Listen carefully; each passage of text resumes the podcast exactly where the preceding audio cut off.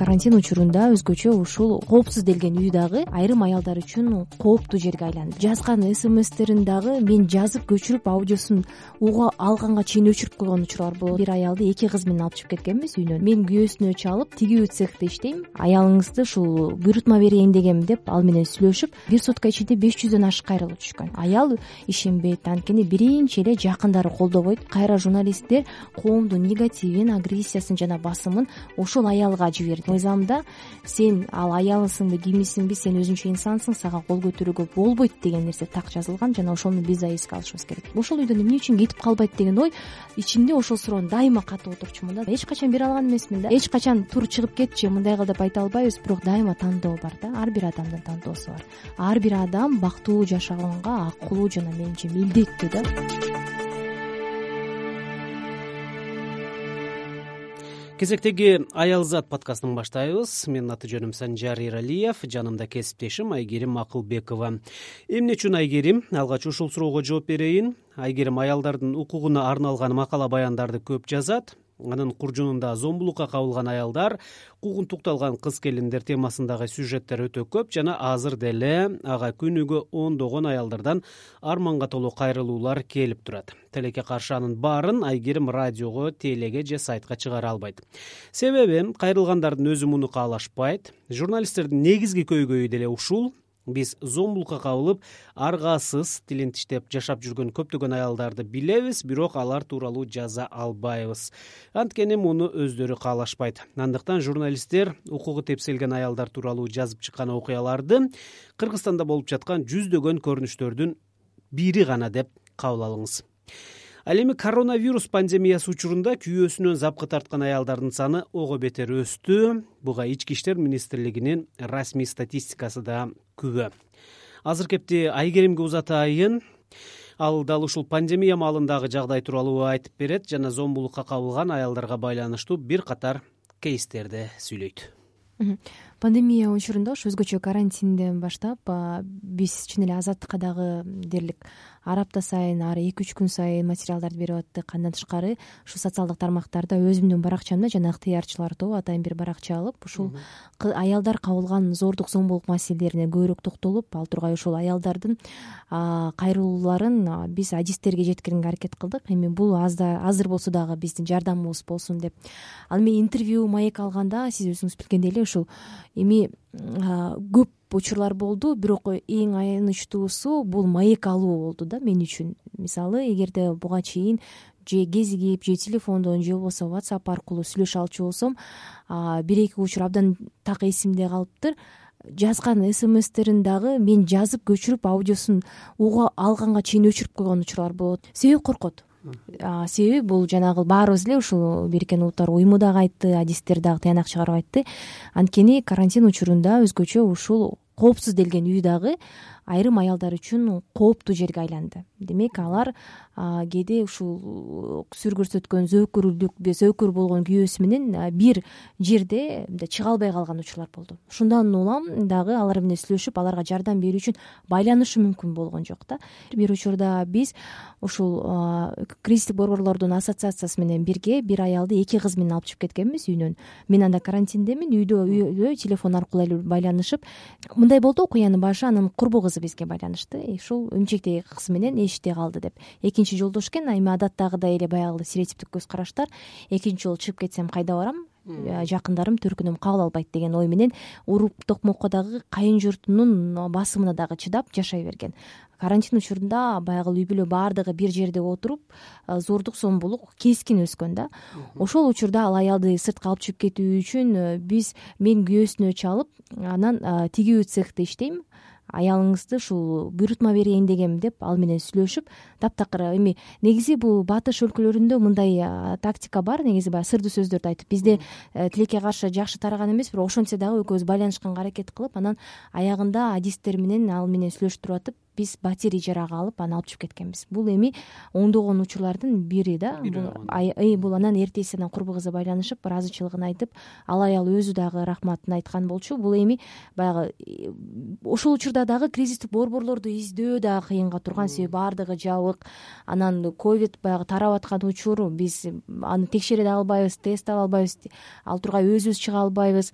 Ошондуктан ижарага батирди алуу аны алып кетүү машине табуу блок посттон өтүү кыскасы азап эле болгон бул баягы бир аялды алып чыгып кетүү жана ага жардам берүү ушунчалык оор болгондо мен отуруп алып аябай кейигем анын үстүнө мен өзүм карантинде иштеп жаткандыктан мен үйдөгүлөрүм дагы көрүп ошондо менин атамдын аябай таң калганы эсимде да анткени баягы ал кадимкидей эле мындай э, зордук зомбулук жок деген маанайда жашаган бир кыргызстандагы бир адамдардын бири болгон да. Атам анан абдан таң калып анан аябай бир апта атам улам чалдырып эмне болду? деп аябай мындай санаркаган эсимде да. Демек ал кишиге дагы такыр зордук зомбулук темасынан алыс болгон киши дагы ошол окуядан аябай таасирленгенин мен көрүп түшүнгөм да.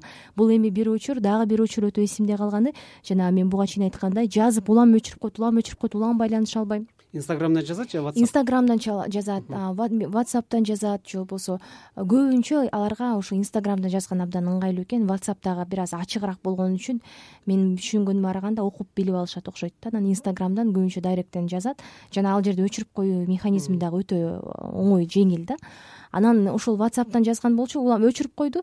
Анан э, оюмда дагы мындай бир чети эми биз журналистпиз ага эч кандай э, бир э, мындай аны бага басым да бере албайбыз же болбосо кет чыгып кет деп дагы айтканга баягы укугубуз жок. Бирок ошентсе да жардам берейин деп улам чалсам эмчектеги баланын үнүн угуп аттым да. Анан демек кайра ичимен ойлоп калдым демек ошол бала үчүн балким чыдап калды окшойт деп. Андан кийин э, такыр байланышкан да жок ал аял эмне болду түшүнүксүз. Ал дагы ушул сыяктуу балдарын алып кете албай өзү жолдо калган учурлар болду. Кыскасы ушул өзгөчө башында жазында карантинде бизге ушул зордук зомбулук ошол алтымыш беш пайызга быйыл өстү деп атабыз анан ошол сыяктуу каармандардын айрымдарын менен түздөн түз биз иштешкенге туура келди да анан биз жалпы бир ай ичинде таянак чыгарганыбызда ушул жыйырмадан ашык адамды кризистик борборлорго жибергенибиз. Андан тышкары ушул психологиялык жана моралдык колдоого муктаж болгон аялдардын саны кескин өскөнүн дагы байкаганбыз да. Бирок биз мисалы сага көп кайрылышат э мага деле анча мынча жазып калышат ооба ушу зомбулукка байланыштуу.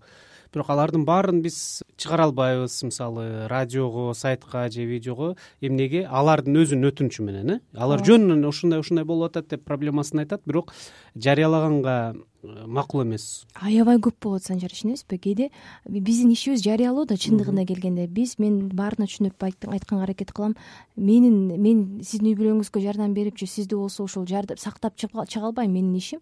Радиого же телеге көрсөтүп маселени козгоо деп. Кээ бирлери түшүнөт. Кээ бирлери эч нерсе жарыялабай эле кой жөн эле угуп койчу деп чалгандар болот. Аябай көп болду. Мен ошол учурларда мына ушул пандемия башталгандан бери телефондон жөн эле бир жарым саат бир саат ал адамдар аялдар жөн эле айтып окуясын айтып түшүндүргүсү келди. Э, кээ бирлери ватсаптан азыркыга чейин жазат. Сен эч нерсе жарыялаба жөн эле мени угуп койсоң мен аудиолорду сага жиберем деп шашпай аябай узак жиберишет анан э, кээ бирлери болсо психолог издейт. Кээ бирлери юристтин номурун сурайт. Көпчүлүк эле маек берип интервью берип айрым э, мындай жүзүн ачык чыгарганга каалабайт да. Үнүн дагы үнүн ооба чыгаргандарыбыздын үнүн дээрлик баарын өзгөртүп аттык. Видеого мен ушул зомбулук боюнча тарткандарым өтө аз да ушундан улам айгерим сенде бир мындай баалоо барбы? Анализдөө дейбизби бул эмненин белгиси? Зөөкүрлүк аша чаап кеткендиктен аялдар башына түшкөн оор күндү башкаларга айткандан коркуп калдыбы же патриархалдык коомдогу көз караштардын кесепетиби бир учурда айтайын аялзат рубрикасына мен ушул инстаграм аркылуу эрте нике эрте никеге турган кыздар жөнүндө берүү даярдайын дедим да радио берүү. Мен аябай таң калдым бир кечки саат алтыда жазгам пост жарыялап. Эртең мененки ушул бир күн мен дайыма бир күн эрте жазып анан каармандарды ушу баягы пандемияда биз ошентип издегенге аргасыз болдук да каармандарды издейбиз анан бир сутка ичинде беш жүздөн ашык кайрылуу түшкөн баары тең эрте турмушка курган өзгөчө эки миңинчи жылдардан кийинки. Анын арасында отуз беш кырк элүү алтымыш жашындагылар бар. Анан же болбосо жаңы эле турмушка чыгып ажырашып же бактылуу жашап кеткен ар кандай учурлар бар. Бирок баардыгы аты жөнүн айтууну каалаган жок да. Бактылуу жашап кеткени бактысыз жашаганы деле билимдүүсү билимсиз деле кыскасы абдан түшүнүксүз нерсе да. Анан мен абдан көп ойлондум. Негизи эле бул темада баягы психологиялык жактан мисалы адистер менен сүйлөшкөнүмдө алар виктимизация деп коюшат экен баягы. Жабырлануучу көнүп калат дагы эч кандай жашырып ал проблеманы айткысы келбейт деп. Анан мен бир эсе ойлойм балким бул ошо сиз айткандай патриархалдык коомдун дагы бир э, мөмөсү болушу мүмкүн ошол эле кезде. Балким бул ушул жанындагылардын басымы болушу мүмкүн да. Аял ишенбейт аял өзүнүн сөзүн айткысы келбейт. Анткени биринчи эле жакындары колдобойт. Анын жанындагы адамдар басым көргөзөт да. Бул учурлар абдан көп болгон. Ошол эле быйылкы баягы резонанстуу учурларды мисалы сузактагы окуяны биз мен чагылдырып кайрылып байланышканмын дөңгөлөккө басынган аял боюнча. Жакында эле жанагы сокулуктагы өгөй атасынан запкы жеген баланын окуясы боюнча байланышканымда бул эки учур тең эми бул баягы коомчулукка белгилүү учурларды санап өттүм. Экөөндө тең мен сүйлөшкөнүмдө ушул алар жакындарынан жакындарынын таасиринен улам жакындарынын бир жектөөсүнөн улам коркконун түшүндүм да. Демек колдоо күтпөгөн колдоо таппаган аял басынып анан бир коркуу сезими анда пайда болгон окшойт. Сиягы ошон үчүн дагы окуясын ачык айткысы келбейт. Бирок ал түшүнөт бул маселе экенин ал түшүнөт бул көйгөй экенин дээрлик ар бир маек ушуну жеткирип коюңузчу башка кыздар буга чалдыкпасын же башка кыздардын тагдыры мындай болбосун деген сөз менен бүтөт. Демек ал түшүнөт бирок айткандан коркот. Ушул жерде айкын багыт коомдук фондунун зомбулукка кабылгандарга жардам берүүгө багытталган кыска ролигин угалы андан соң улантабыз. Зомбулукка кабылган учурда милицияга кантип кайрылуу керек?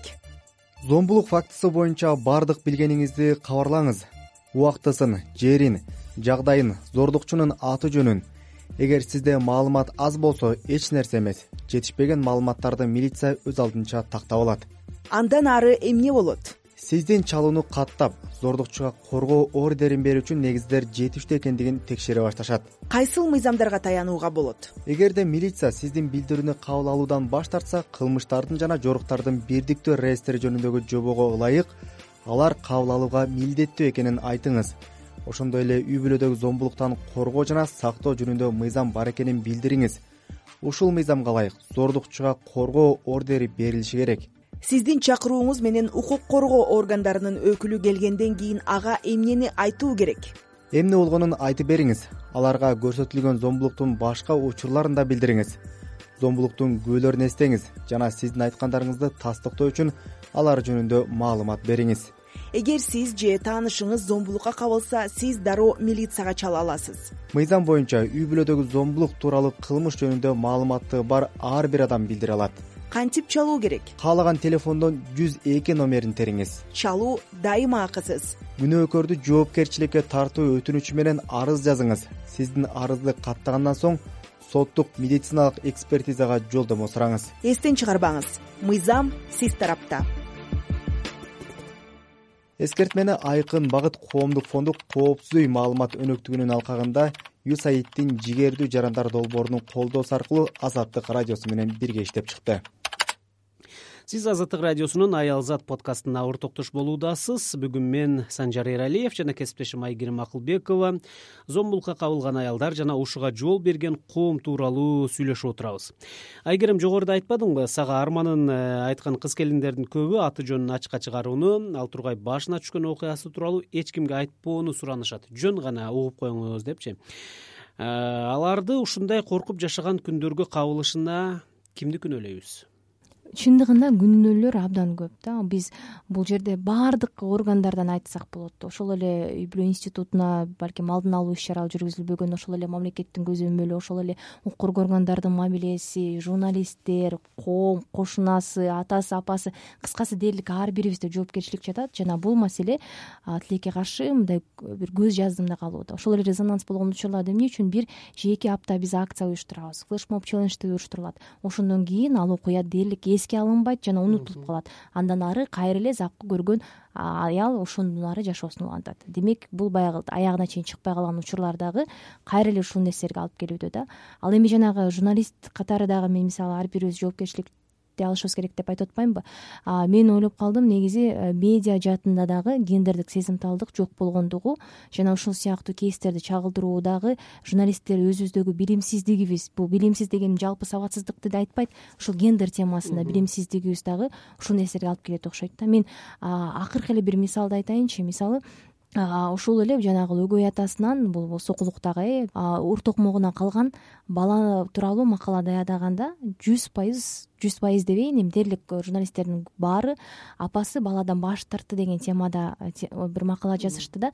Ооба де юра баш тартты чындыгында баш тартты. Аны эч ким чана албайт тана албайт. Бирок ошол эле кезде эгерде гендердик сезимталдык жактан ала турган болсок менимче экинчи вариациясы дагы бар да. Эмне үчүн биз баш тартты деп жаздык? Эмне үчүн биз тайнесине берилди деп жазган жокпуз дагы? Ичине макаланы жазган жокпуз. Ушул эле жерде кайра журналисттер болгон коомдун негативин агрессиясын жана басымын ошол аялга жиберди. Мындайча айтканда адаттагыдай шейминг деп коебуз жабырлануучуга болгон басым күчөдү. Ал ортодо бул ошол өгөй атанын жоопкерчилиги көмүскөдө калды дагы эстен чыгып кетти. Бул бир учур бирок мындай учурлардан абдан көп. Ошол эле сузактагы окуя эсиңизде болсо керек.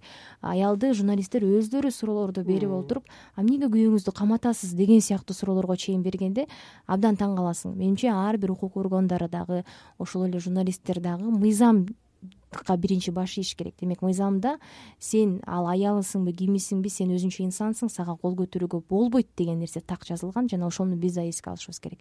Этикалык нормаларды эске алганда дагы менимче ушул журналисттердин катачылыгы дагы коомдогу болгон бир айрым бир э, ушундай сыяктуу талкууларга жол берип турат да сен э, запкой көргөн түрдүү аялдардан кайрылууларды алып отуруп ар бирине өзүнчө бир ыкма менен анын көңүлүн жагдайын карап жооп бересиң да. Азыр мисалы зомбулукка кабылган Э, сага кайрылып жүргөн кыз келиндерге жалпы бир айтаар сөзүң барбы? Мен ушул темада абдан көп ойлонгом да. Мен буга чейин бир беш жыл төрт жыл мурда кыздуу болгонго чейин дайыма ойлочумун эмне үчүн туруп кетип калбайт деп. Дайыма ушул ар бир көз алдымда отурган. ооба күйөөсүнөн кетип калбайт. Кайын журтунан ошол үйдөн эмне үчүн кетип калбайт деген ой дайыма мени бир тынчтык бербейт эле себеби ушинтип сиз сыяктуу экөөбүз мындай бет маңдайда сүйлөшүп отурганда мындай зордук көргөнү зомбулук көргөнү ур тепки жегени же болбосо моралдык жактан психологиялык жактан басым болгонун баардыгына ичимде ошол суроону дайыма катып отурчумун да дайыма эч качан бере алган эмесмин да түшүнчү эмесмин.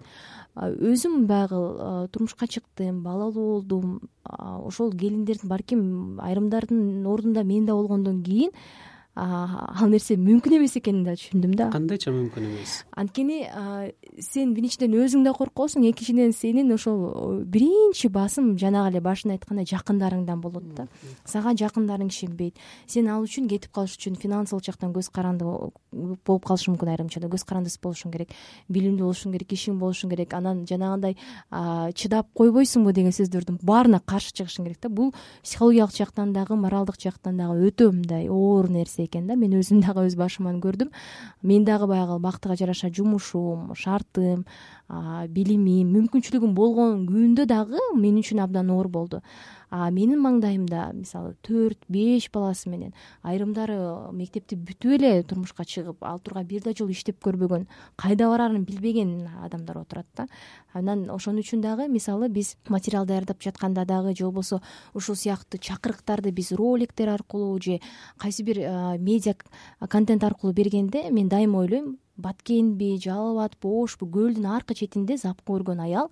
Аялга бул мындай өтө бир мындай бөтөн өөн учурашы мүмкүн деп ойлойм да. Анткени анын жашоосу башка да. Же болбосо жанагы эле шоу бизнес өкүлдөрүн акцияга катыштырып атканда дагы дайыма ошол аялдар аркылуу мен ойлойм да.